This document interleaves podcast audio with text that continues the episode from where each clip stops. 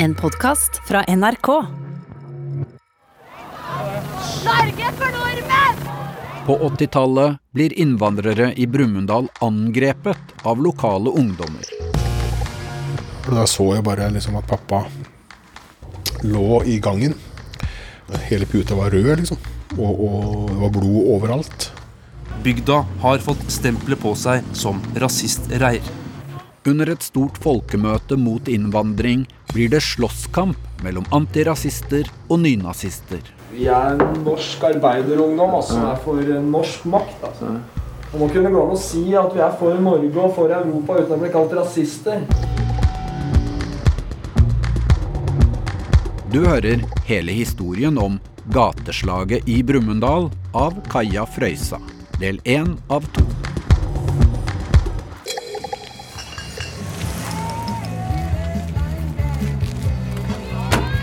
Det var sentrum i livet vårt, sentrum i livet mitt, var mobiltomta og det som skjedde på fredagskvelder og lørdager. Like nord for Hamar, på østsida av Mjøsa, ligger Brumunddal. Midt i sentrum er det en bensinstasjon i mobilkjeden, som blir et samlingssted for ungdommer med bil og motorsykkel på 80-tallet. Erland Tolvstad er en av dem som henger mye på det som senere bare får navnet Mobiltomta. Der var kompisene dine, der var alle de brudene du syntes var kjempe... og Aldri har damen vært så pen som på 80-tallet. Noen helger strømmer det hundrevis av ungdommer hit. De har sin egen klesstil, og de er lett å kjenne igjen. Svarte levis eller svarte dongeribukser. Så var det islender under skinnvest, sjøl på sommeren. Så kunne nok fint plukke ut hvem som hang i Brumunddal sentrum. Noen har på musikken i, i bilen, så er det noen som spinner med en eh, motorsykkel, så er det noen som spinner med en bil. Det blir en del drikking og børning på mobiltomta. Kanskje rive opp noen blomsterpotter, eller så har noen kjøpt en ny bil, en motorsykkel som alle beundrer. De fleste som henger her, er ikke med på noen organiserte aktiviteter på fritiden. Og politiet er som oftest innom noen ganger i løpet av helga. Men det var minuser, var de ungdomma som var problemet i Brumunddal. Lokalavisa er rask til å gi mobilgjengen en negativ merkelapp. Det var bare at vi som var en del av det definerte minusmiljøet, tok til vårt hjerte raskt og syntes at det var helt greit å bli kalt minuser. Det var en ære å være en minus.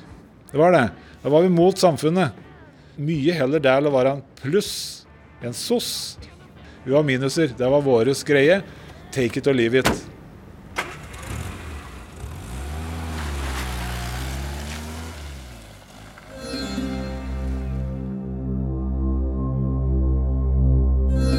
Mamma og dem var jo kjempestolte og glad for å få komme til Brumunddal. En kald januardag i 1978 kommer den vietnamesiske familien Hang til Brumunddal. Hai er en av sønnene i familien, som er blant de første flyktningene som flytter hit. Folk i bygda har samlet inn det aller nødvendigste til den nyinnflyttede familien.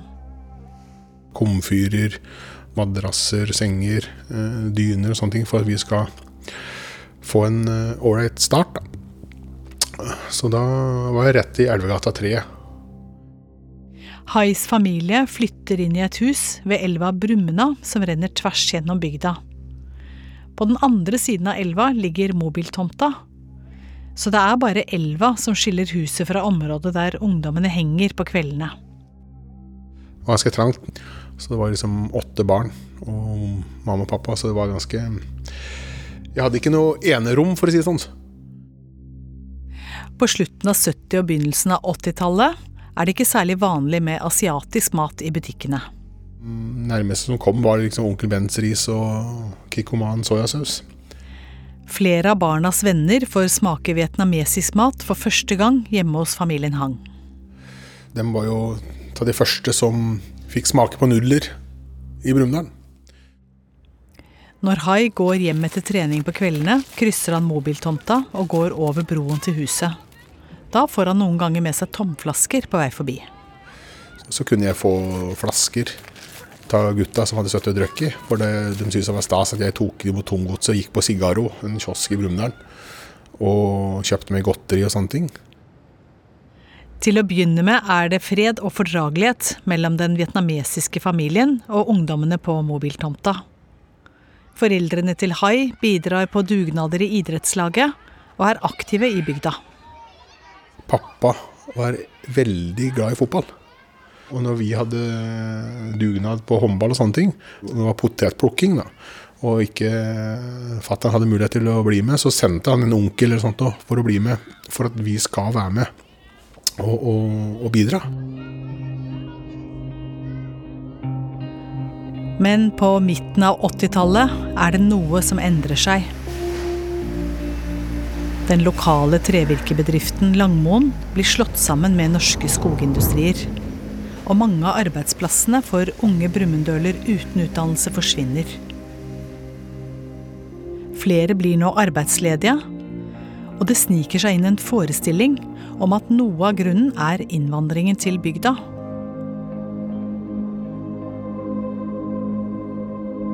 Bare du hadde en annen farge, så fikk du det du pekte på. Du fikk hjelp til alt, du fikk ordna alt, og det var liksom Sånn hadde ikke vi det. Roger Theodorsen er en del av motorsykkelgjengen på mobiltomta. Vi mente at der burde det kanskje vært på oss først. Og så på innvandrere.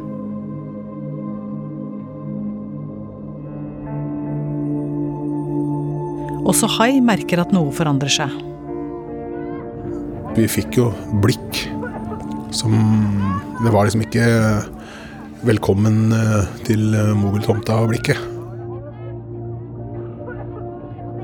Så ble det slengt eh, bemerkninger til, ikke sant. Guling.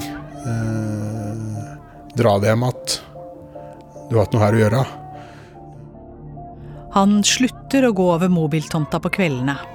Når jeg skal gå hjem igjen fra håndballtrening og skulle gå aleine, så turte jeg ikke gå gjennom mobiltomta. Det var rett og slett skummelt, for det var bare mange som var der. Og, og, jo flere som var der, jo mer redd ble jeg, for jeg, jeg visste ikke eh, hvem av dem som på en måte ville gjøre det noe vondt. Men for meg så var det sånn at alle som var der nede der, var skumle. I stedet velger han nå å krysse gamle E6, som går rett forbi huset der han bor. Da valgte jeg heller å ta sykkelen og gå bæret bære over rekkverket, eller autovernet, og gå over, så slapp å gå gjennom mobiltomta. Nå begynner det å dukke opp rasistiske slagord på husvegger og biler. Ja, det var ofte white power. Og eh, så var det jo hakekors, da. Hakekors er en, den er sikker. Den er lett. Det er ikke så mye rom for skrivefeil og greier i den. Det var ofte det de gikk på. Så var det noen som prøvde seg av og til på Norge for nordmenn. Og, og du skal jo skrive fort, ikke sant? Fort gjort å få noen skrivefeil, så er det ergerlig, da, så klart. Jeg kjørte rundt med KKK på bilen min i mange år. Erland tenker ikke så mye på at KKK er bokstavene til den høyreekstreme organisasjonen Ku Klux Klan, som står bak mange drap på både svarte og hvite i USA. De syntes det bare var kult, da. Kul bokstavkombinasjon. Ku Klux Klan er også kjent for å brenne store kors i mørket. Det smitter over på unge brumunddøler, selv om mange ikke skjønner hva de brennende korsene skal symbolisere. Ja, det er mange brunnerne som har vært med brent kors. Nå får folk som kjører oppover langs Mjøsa på kveldene, se store brennende kors på åpne jorder. Det ble plutselig bestemt på en eller annen fest. Nei, faen, nå skal vi brenne et kors. Er det å få tak i to planker og en haug med filler og noe diesel? Og så ranger det opp eh, ned ved E6-en og kaster fyrstikker bortpå. Det er en kul effekt det gir òg, når du står der i mørket og det brenner et kors. Nei, det var, det var vi, vi skjønte ikke bedre.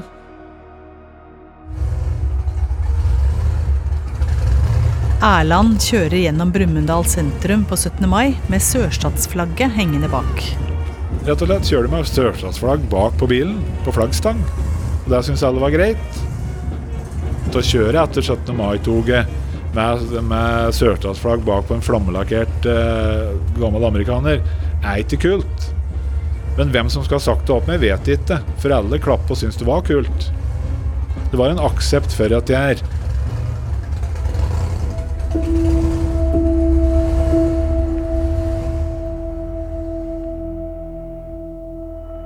Når det kommer flere flyktninger og asylsøkere til Norge, øker også fremmedfrykten over hele landet. I 1987 samles en gjeng innvandringsmotstandere i Haugesund for å starte en ny landsomfattende organisasjon for å stoppe innvandringen. Dette vi nå opplever, hvor de svermer innover våre grenser, det er en ting vi må basere oss på å leve med i framtida. Derfor må vi nå si full stopp, så vi kan få kontroll over situasjonen i vårt eget land. Arne Myrdal blir valgt til leder for Folkeaksjonen mot innvandring, som vil holde Norge hvitt. Vi vil gjerne kunne kjenne våre barn og barnebarn igjen, så vi ser at det er folk som eh, er på utseende. For vi kan jo ikke komme bort fra at utseendet for hver, hver nasjon eller hver eh, kontinent har litt å si for saken. Han vil samle alle krefter på ytterste høyre fløy i norsk politikk og lage en stor bevegelse med kampgrupper.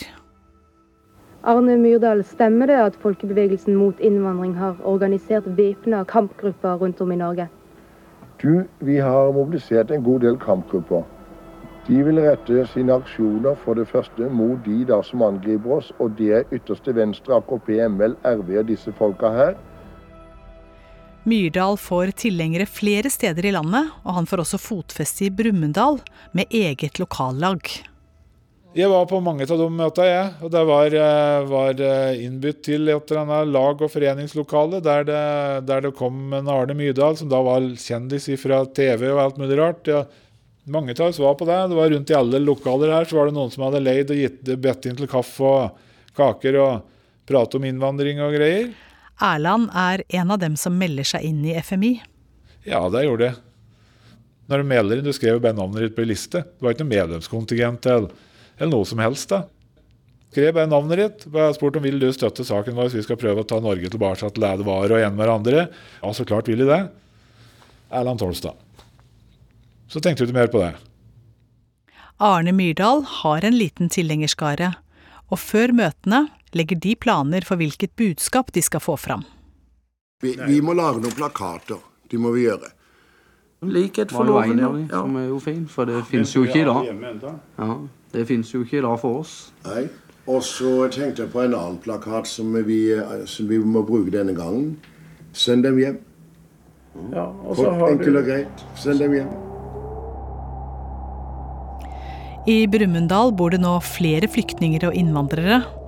En av dem er pakistaneren Gulam Nabi, som driver butikken 8 til 8 midt i sentrum.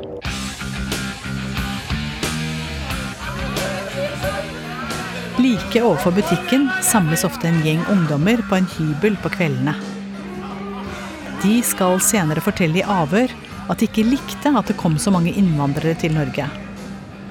En natt setter to av dem fyr på inngangsdøren til butikken, og det skal bli starten på mange angrep mot Gulam Nabi.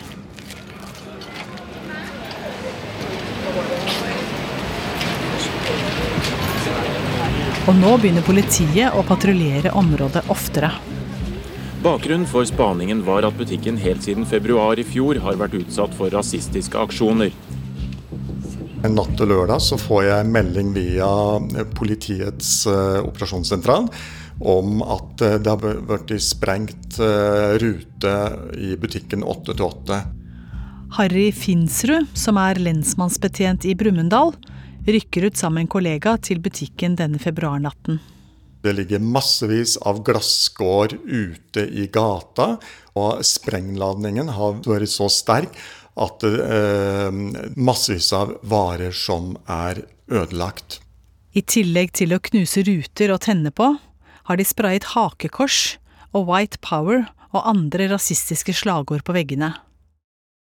Og så i april samme året blir det kastet en bensinbombe inn i butikken. I natt ble altså butikken totalt rasert av et ukjent sprenglegeme. Han tenker utlendinger. Hvorfor komme i Norge? Jeg kommer i Norge, jeg jobber og betaler skatt og morgenen og alt. Nå mobiliserer folk i Brumunddal til støtte for den pakistanske butikkeieren. Det ble et stort folketog som kommer ned til hans butikk og viser en både sympati og sterk medmenneskelig støtte som følge av alt det som han har opplevd av skadeverk mot sin butikk.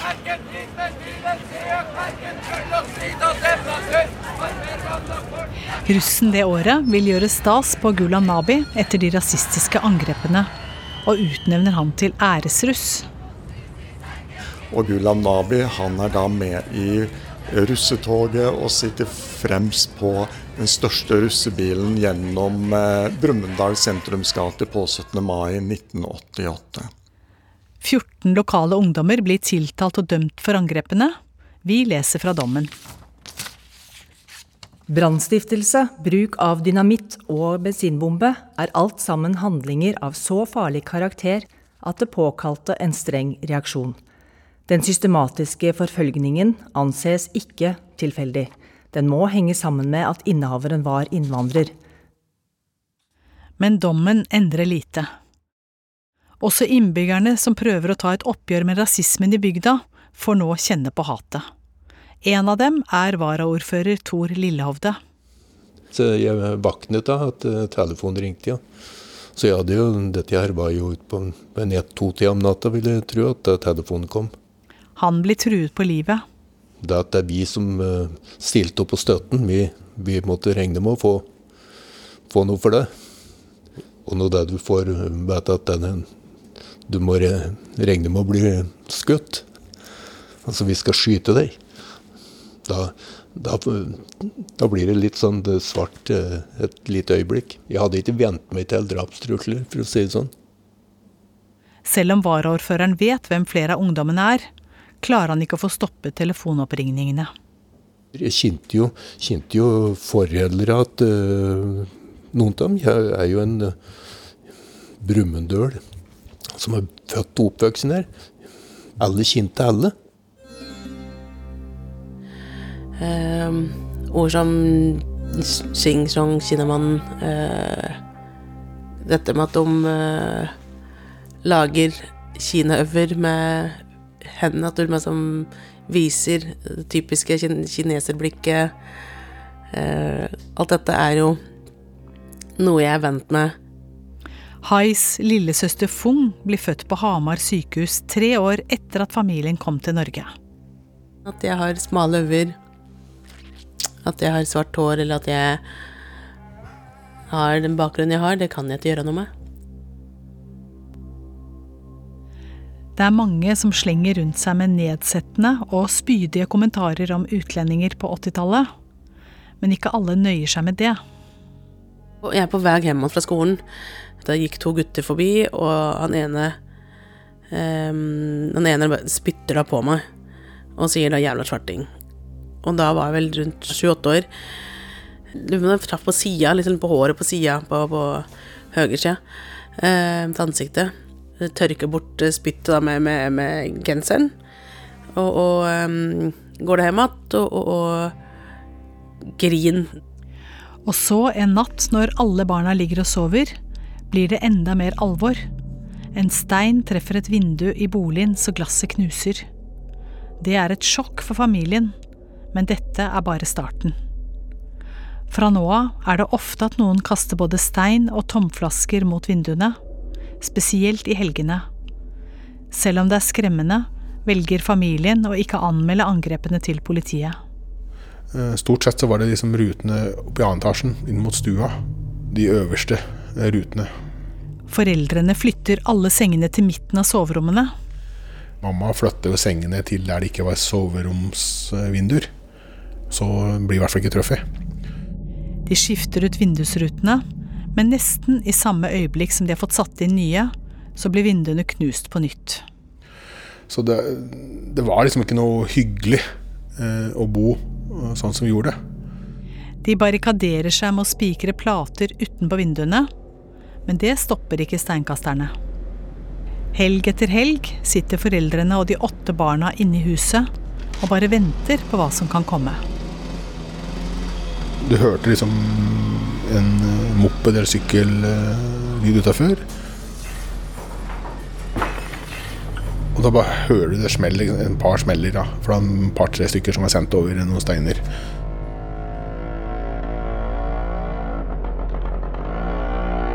Når vi bare hørte en mopedlyd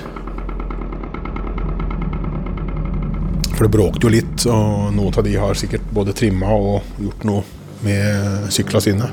Det var nesten en, en sånn hobby for dem, tror jeg, og hadde en runde og kjørte forbi oss. Rundt oss uten å gjøre noen ting. Bare liksom for å skremme oss. Så, så ble vi redde, da.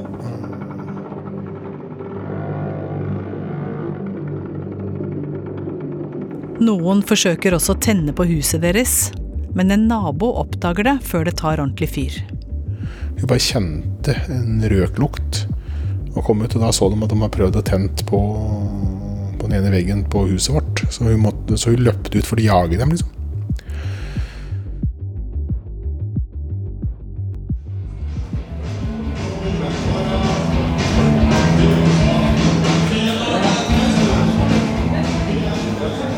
Men det finnes også krefter som vil slåss mot rasismen, og som heller ikke går av veien for å bruke hardhendte metoder. I Oslo sentrum møtes politiske aktivister på venstresiden på det selvstyrte ungdomshuset Blitz. For mange av dem som vanker her, er høyreekstreme innvandringsmotstandere selve hovedfienden. Jeg husker veldig godt første gangen jeg var på Blitz. Thomas Valås er 13-14 år gammel når han begynner å vanke på Blitz. Vi dro inn i kafeen, den var åpen på dagtid. Bestilte utrolig billige vafler. Det er, lukta av en, av en, konsertsal, av svette, av, av, punkere som tar det på alvor og ikke, ikke skulle dusje hver eneste dag. Jeg bare kjente at her, her, her skal jeg være mer. Det var helt klart. For meg så, så åpna det en helt ny verden. Thomas blir politisk aktiv, og kampen mot rasisme blir noe av det han syns er aller viktigst. Plutselig var jeg opptatt av hva som skjedde i Sør-Afrika, eh, og undertrykkinga av de svarte i Sør-Afrika. Palestina. Og så kombinerer du det med gode venner og musikk, og hele Så, så er det, det er bare den perfekte ungdomstiden, rett og slett.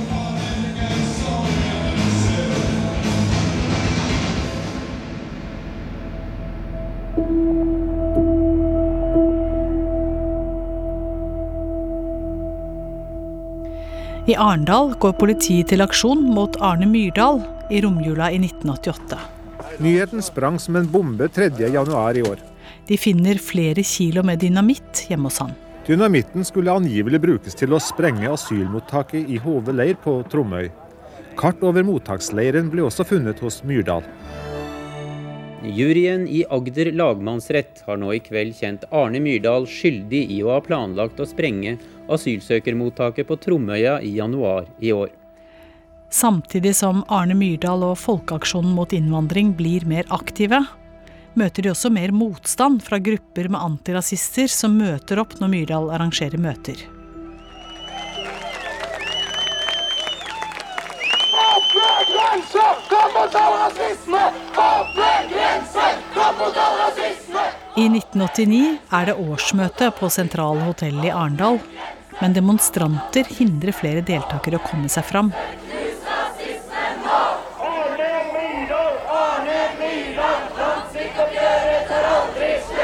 Ordføreren i Arendal erklærer at byen heretter skal være fri for rasisme.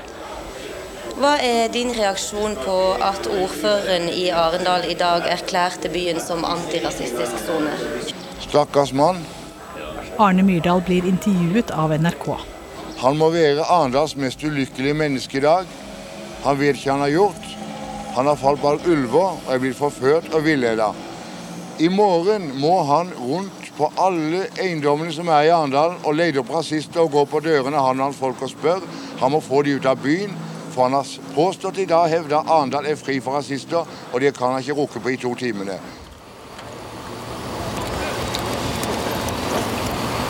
Året etter, i Fevik utenfor Arendal, skal det være et nytt medlemsmøte for innvandringsmotstanderne. Og en gruppe antirasister fra Oslo tar turen for å protestere.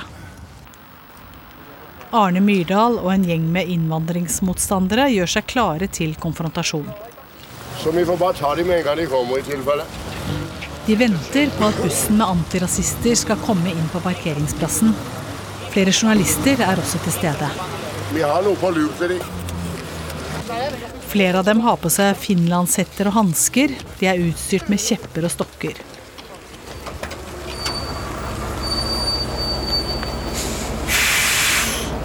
Når bussen med antirasister svinger inn på plassen, går Arne Myrdal mot bussen med en kjepp i hånden. Hva vil dere her? Spør hva dere vil her og gjøre. Antirasistene rekker så vidt å komme seg ut av bussen FMI har nå blitt tvunget under jorda. Før innvandringsmotstanderne med Arne Myrdal i spissen jager dem tilbake. Kom an, vi tar deg! Kom igjen!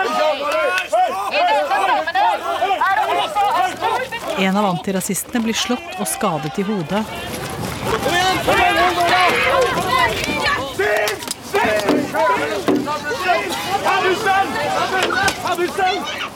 Alle bussens vindusruter blir knust før de kommer seg bort fra stedet.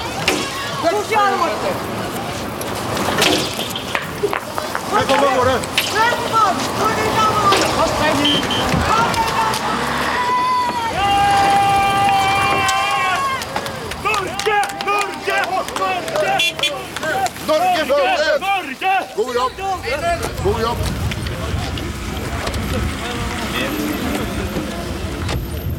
Samtidig begynner mediene å interessere seg for hva som skjer i Brumunddal. I 1990 legger NRKs ungdomsprogram Midt i smørøyet en hel sending til Brumunddal. Det er kanskje ikke så dumt å bli kjent med naboen.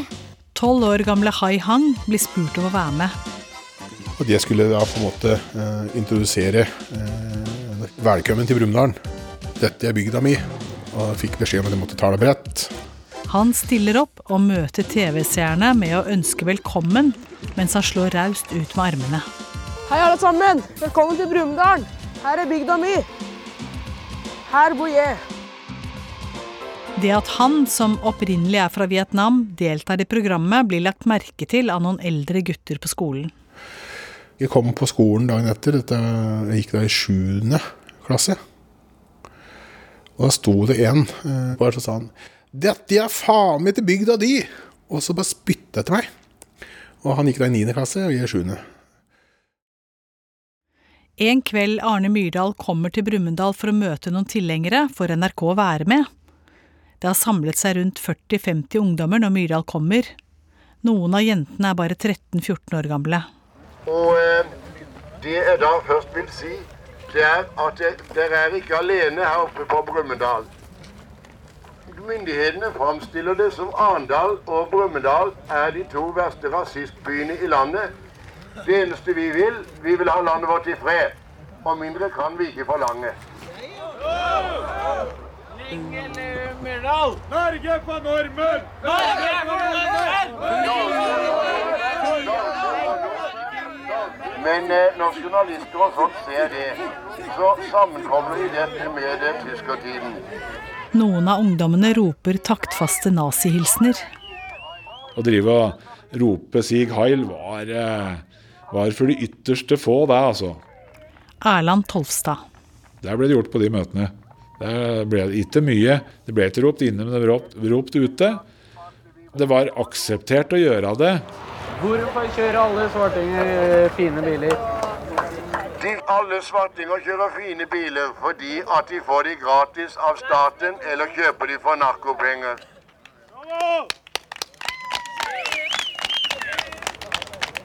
Og Norge er vårt.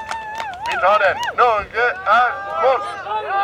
Er vårt. Norge er vårt. Norge er vårt.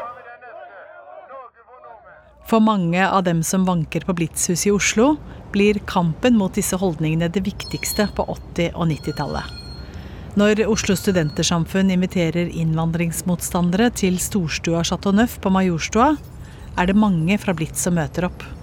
Thomas Valås. Kommer vi opp dit, så er det, det tidlige starten av sånn gjengungdom, hiphop-ungdom, drabantbyungdom som har tatt seg veien inn. Som tenker at det her kan vi ikke akseptere. Vi kan ikke, vi kan ikke tolerere at rasister får en åpen mikrofon og kan bare smelle ut all dritten sin.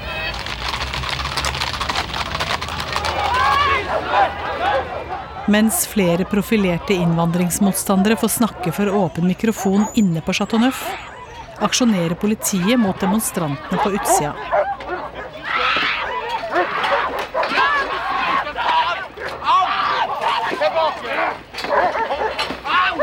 De brukte jo hestene mot oss.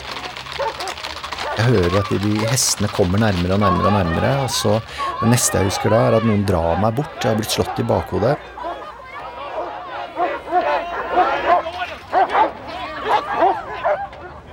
Det så ganske voldsomt ut. Ja, det er det. Det er helt klart det er. Politimesteren i Oslo, Willy Haugli, får kallenavnet Jernvilly. Bl.a. for sin harde linje mot blitsmiljøet. Og det er slik det skal være? Ja, Det må det når man blir møtt med samlet mengde av ondsinnet ungdom med jernstenger og køller og, og sten. Og det ble kastet masse store stener. Politifolkene ble bombet. Målet deres var selvfølgelig da å prøve å komme seg inn i bygningen.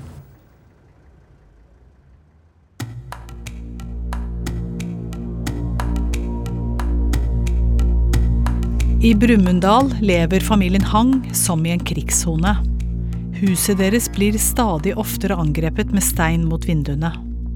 Barna tør ikke lenger å gå alene til skolen. Yngstejenta Fung har nå blitt ni år gammel. Postkasse var ikke noe vits i å ha lenger, for den ble bare sprengt hver gang det kom opp en postkasse. Det er mye liv og røre i sentrum onsdagskvelden før helligdagene i påsken 1991. Nede på Brua grill så treffer jeg noen gamle klassekamerater. Og det var hyggelig å treffe dem og snakke om gamle sprell. Han som snakker her, ønsker å være anonym. Vi har byttet ut stemmen hans, men alt han sier, er hentet fra det han har fortalt til oss. Vi kaller ham Helge. Så satt vi der og åt, og jeg ble tilbudt noe øl. Og så ble det jo litt hjemmebrent, som de ofte drikker på Hedmarken. De drikker og skravler, og Helge blir litt pussa, sånn som de andre. Etter hvert spurte de om jeg skulle være med bort, bort ved elva. Så ja, jeg blei med. De går over mobiltomta og nærmer seg huset til familien Hang. Når noen foreslår at de skal kaste tomflaskene mot huset. Og så ble det tatt og kasta et par flasker. Så jeg ble jo dratt med litt av dragsuset. For å være igjen av gutta, så tok jeg og kasta, jeg òg. Det var vel én eller to smell i veggen. Så vi hørte dunk, og så løp vi derfra. Helge sier at han egentlig ikke er en del av den gjengen som vanligvis knuser ruter på huset til familien Hang, men denne kvelden er han med. Han sier at han ikke tenker på at familien er utenlandsk. Eh, det så ikke ut som det bodde noen der. Det var noen plater på vinduene og knust glass utafor huset. Klokken er blitt kvart på to på natta når faren i huset går ut og ned mot mobiltomta hvor rundt 20 ungdommer henger. Jeg ble stående ved brua der, og de andre gikk videre. Så gikk jeg opp mot mobiltomta. Ved innkjøringen til tomta møter den vietnamesiske familiefaren Helge. Og det er uenighet om hva som skjer videre nå. Var sånn halvveis på brua der, så kommer en mann. Sånn halvløpende med en stokk heva. Og roper noe som jeg ikke skjønner. Retten legger ikke vekt på denne forklaringen.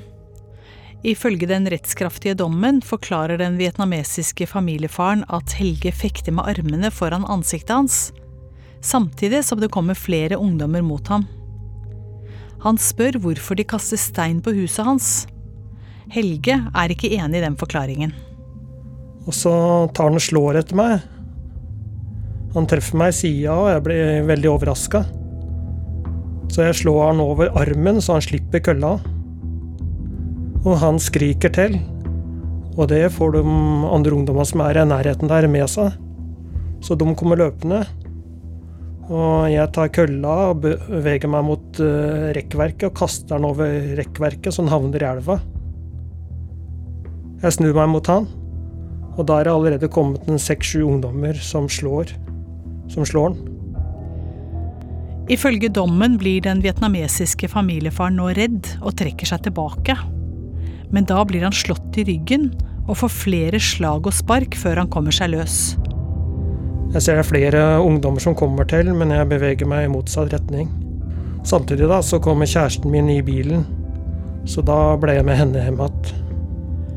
Hang blir innhentet på nytt og slått og sparket mens han ligger nede, helt til han mister bevisstheten. Hang klarer å komme seg tilbake til huset, der en skrekkslagen familie tar ham imot.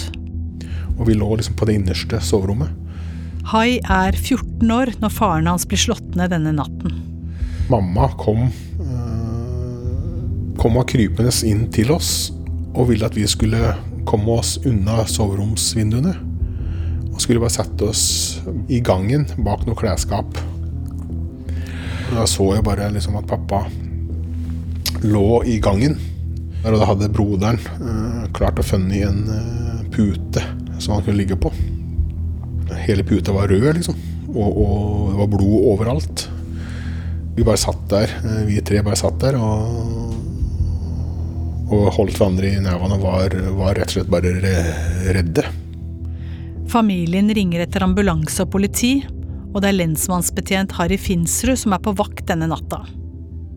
Så møter jeg familien i gangen. Far Hang eh, ligger blodig på en madrass på gulvet tilsølt og har en tydelig skade over, over ene øyet. Det er fortvilelse i de blikkene fra både barn og fra mor Hang. Den vietnamesiske familiefaren har to dype kutt over øyet og blodansamling på ryggen og på beinet. Ambulansen kjører han umiddelbart til Hamar sykehus. Harry går opp i andre etasje, og inne på soverommet finner han en av flaskene ved det knuste vinduet. Og jeg tar og sikrer flaska, kanskje sikrer med fingeravtrykk etter hvert. Når Harry har sikret alle spor i huset, kjører han barna og moren til et trygt sted. Ingen fikk lov til å bo hjemme, så de måtte bare plassere oss rundt. Dagen etter, da kjæresten og jeg dro ned på Brua grill for å kjøpe middag, så fikk jeg høre at politiet ville prate med noen som hadde sett noen. Så da kjørte jeg innom lensmannskontoret og tok kontakt med politiet. Etter hvert så, så, blir det flere mistenkte som avhøres, og vi får et uh, rimelig klart bilde av uh, hva som skjedde på mobiltomta denne natta. Det er jo sånn det går på bygdefest, det. Den som ypper til bråk, han må tåle steken. Og da får han seg en på tygga. Det var jo han som bydde opp til dans, da. Helge og noen andre ungdommer blir kjørt til arresten og satt på glattcelle. Det er nå stort politisk press for å finne de skyldige, og etter bare to måneder blir Helge og tre andre ungdommer dømt til fengselsstraff etter overfallet mot Hang. Vi følte oss svikta av samfunnet. At denne dommen ble et eksempel for å skremme miljøet og de andre ungdommene. Det ble av domstolen betrakta som en alvorlig voldssak med preg av gruppevold og mishandling. Det var dumt, det som skjedde, og for meg var det aldri snakk om noe rasistisk. Det blei bare det det blei. Retten kommer fram til at voldshandlingen er rasistisk motivert, og det er straffeskjerpende at de var fler i gruppe som angrep én forsvarsløs person. Vi leser fra dommen. Det dreier seg om en nærmest sammenhengende rekke av slag og spark, både mens fornærmede sto oppreist og mens han lå mer eller mindre forsvarsløs på bakken. Splittelsen blant folket i Brumunddal blir enda større etter overfallet på den vietnamesiske familiefaren. Og nå blir aksjonsgruppa Brumunddal på nye veier stiftet for å motarbeide rasismen i bygda. Erland Tolvstad. For da, gikk nok opp for flere at uh, her var det noen som tråkka dugelig over streken. Og begynne å uh, panke løs på en, uh, på en, gammel mann. Det var ingen grunn til å, å, å denge han. Vi visste jo hvem han var. Han hadde ikke gjort oss noe som helst galt.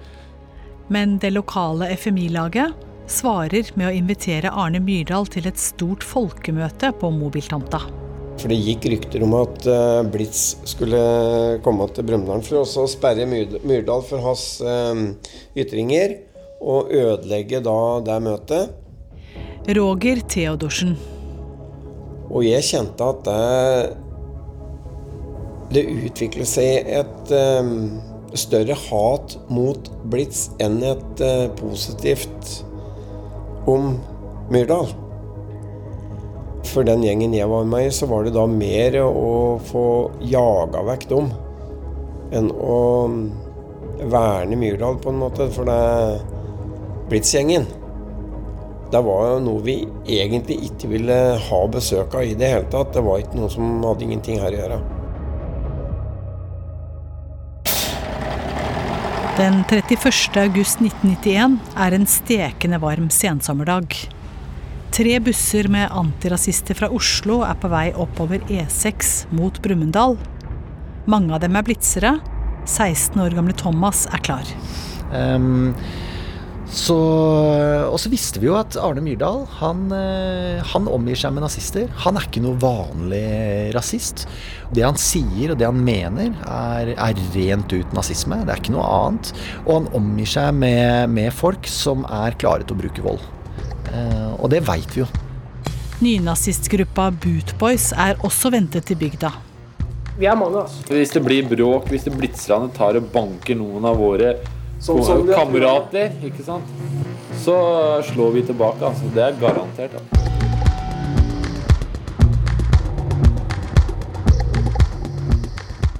Du har hørt den første av to deler av dokumentaren 'Gateslaget i Brumunddal' av Kaja Frøysa. Lyddesign ved Kjetil Hansen, produsent Line Alsaker. Arkivopptak av Arne Myrdal i Brumunddal er henta fra dokumentaren 'Rødt, hvitt og blått' av Birger Amundsen.